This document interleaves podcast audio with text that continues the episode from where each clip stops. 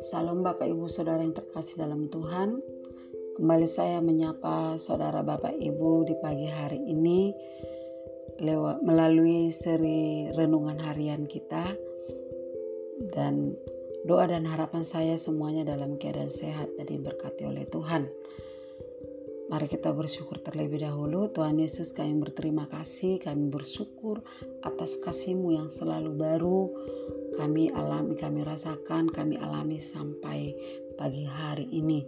Terima kasih buat napas kehidupan, kesehatan, dan sukacita yang Tuhan berikan bagi kami. Dan sebentar kami mau membaca dan mendengarkan firman-Mu.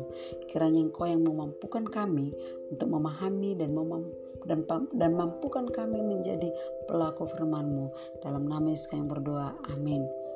Bapak Ibu Saudara yang dikasih oleh Tuhan, mari kita buka Alkitab dan kita baca dari Yesaya pasal yang ke-32 ayat 1 sampai 8. Sesungguhnya seorang raja akan memerintah menurut kebenaran dan pemimpin-pemimpin akan memimpin menurut keadilan.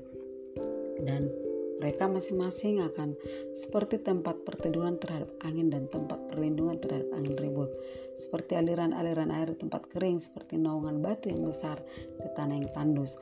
Mata orang-orang yang melihat tidak lagi akan tertutup dan telinga orang-orang yang mendengar akan memperhatikan. Hati orang-orang yang berburu nafsu akan tahu menimbang-nimbang dan lidah orang yang gagap akan dapat berbicara jelas. Orang bebal tidak akan disebutkan lagi orang berbudi luhur dan orang penipu tidak akan dikatakan terhormat. Sebab orang bebal mengatakan kebebalan dan hatinya merencanakan yang jahat yaitu bermaksud murtad mengatakan yang menyesatkan tentang Tuhan. Membiarkan kosong perut orang lapar dan orang haus kekurangan minuman. Kalau penipu akal-akalnya adalah jahat yang merancang perbuatan perbuatan keji untuk mencelakan orang sengsara. Dengan perkataan dusta sekalipun orang miskin itu membela haknya tetapi orang yang berbudi luhur merancang hal-hal yang luhur dan dia selalu bertindak demikian Demikianlah firman Tuhan sampai 8 Bapak Ibu, saudaraku yang dikasih oleh Tuhan. Saya pasal yang ke-32 ini firman Tuhan yang disampaikan Nabi saya kepada bangsa Israel seumpama hmm, baterai yang sedang dicarger kembali, dicaskan kembali dalam arti pengharapan dan semangat hidup sebagai bangsa Tuhan yang dipulihkan atau dikokohkan kembali. Karena bangsa Israel atau kerajaan Yehuda pada zaman itu dipimpin Raja Yoakin, Raja Zedekia dan di mana Raja Yehuda tidak lagi mengharapkan pertolongan kuasa Tuhan, tidak lagi mencari Tuhan, tidak lagi bergantung kepada Tuhan, tidak lagi bertanya kepada Tuhan untuk melawan musuhnya bangsa Asur, tapi meminta pertolongan. Bangsa Yehuda atau Raja Yehuda minta pertolongan kepada Raja Mesir. Nah, akibat dosa atau kesalahan yang dilakukan raja atau pemimpin Yehuda tersebut, bangsa Yehuda sangat menderita dan bangsa Israel sangat kecewa terhadap pemimpinnya. Pasal 32 Yesaya menubuatkan akan datangnya Raja Adil, Sang Raja Adil yang berbeda dengan pemerintahan sebelumnya. Dan siapakah raja yang adil itu? Sepanjang sejarah tidak satu pun raja-raja Israel atau Yehuda yang sepenuhnya menggenapi gam, menggenapi gambaran tersebut atau nubuatan.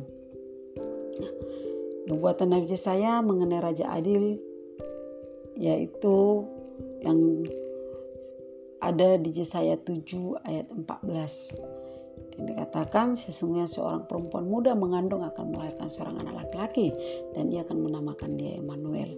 Bapak Ibu, raja adil yang dinubuatkan oleh Yesus oleh Yesaya adalah Yesus Kristus. Dalam perjanjian baru Bapak Yesus Kristuslah sang raja adil tersebut raja yang memerintah dalam kebenaran, dan ketika yang memimpin ada perubahan yang besar terjadi, berbeda dengan sebelum-sebelumnya. Bapak Ibu, Yesus Kristus sebagai Raja adil tidak hanya memerintah menurut kebenaran, melainkan juga menjadi pengayom bangsanya. Akan menjadi pelindung bagi bangsanya.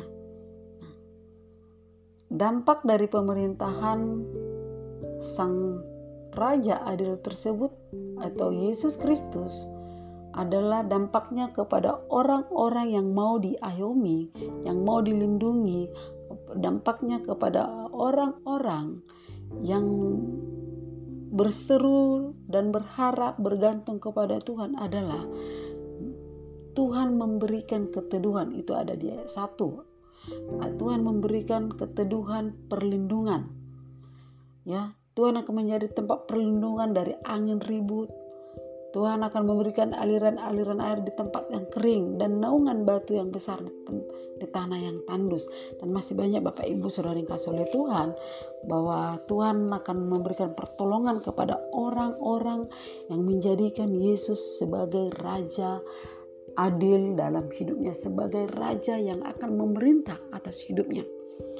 Itu sebabnya Bapak Ibu Saudara yang kasih oleh Tuhan untuk mengalami pertolongan Tuhan, mengalami uh, keteduhan daripada Tuhan, mengalami perlindungan daripada Tuhan, mengalami perkara-perkara besar yang perkara-perkara besar dari Tuhan. Jadikan Tuhan sebagai raja atas hidupmu. Menjadi raja yang adil, yang akan mengadili, yang akan menjadi memberikan keadilan, bahkan Tuhan jadikan Tuhan menjadi raja yang memerintah atas hidupmu.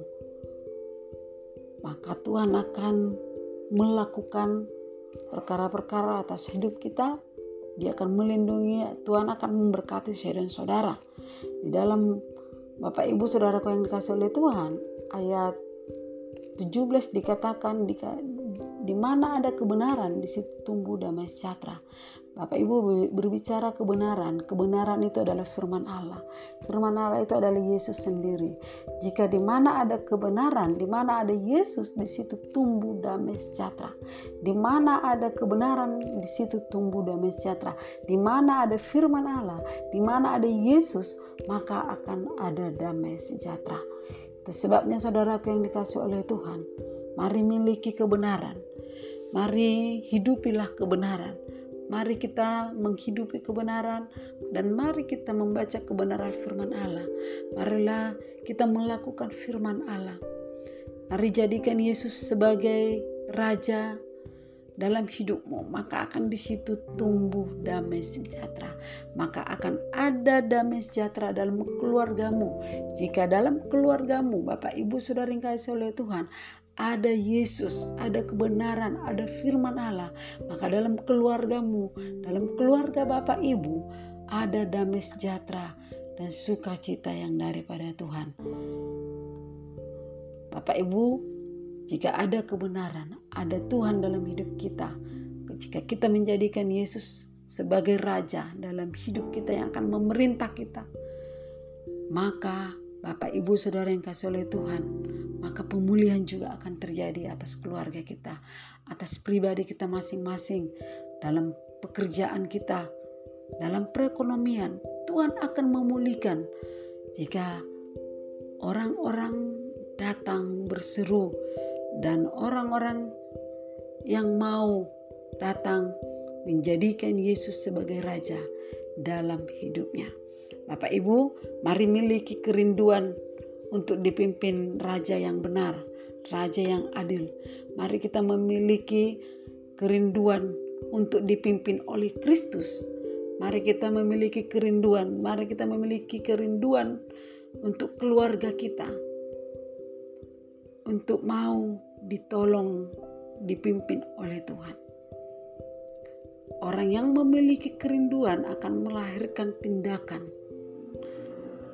orang yang memiliki kerinduan untuk dipimpin oleh Tuhan, dia akan memiliki, dia akan ada akan ada tindakan Bapak Ibu datang persekutuan, membaca firman Allah, mencari hadirat Tuhan, datang berdoa kepada Tuhan.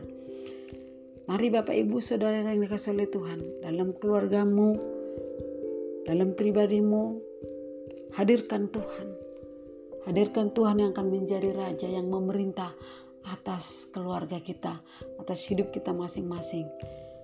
Jika ada firman Allah, ada kebenaran, ada kebenaran, ada raja yang memerintah atas hidup kita, kita akan ditolong oleh Tuhan. Tuhan akan memberikan perlindungan, pertolongan. Tuhan akan memberkati kita, memberkati dalam usaha, pekerjaan kita, memberkati pelayanan kita, memberkati rumah tangga kita masing-masing, memberkati perekonomian. Tuhan akan menolong kita dalam segala hal jika kita mau menjadikan Yesus menjadi raja atas hidup kita, menjadikan Yesus menjadi raja atas keluarga kita masing-masing. Amin. Tuhan Yesus memberkati.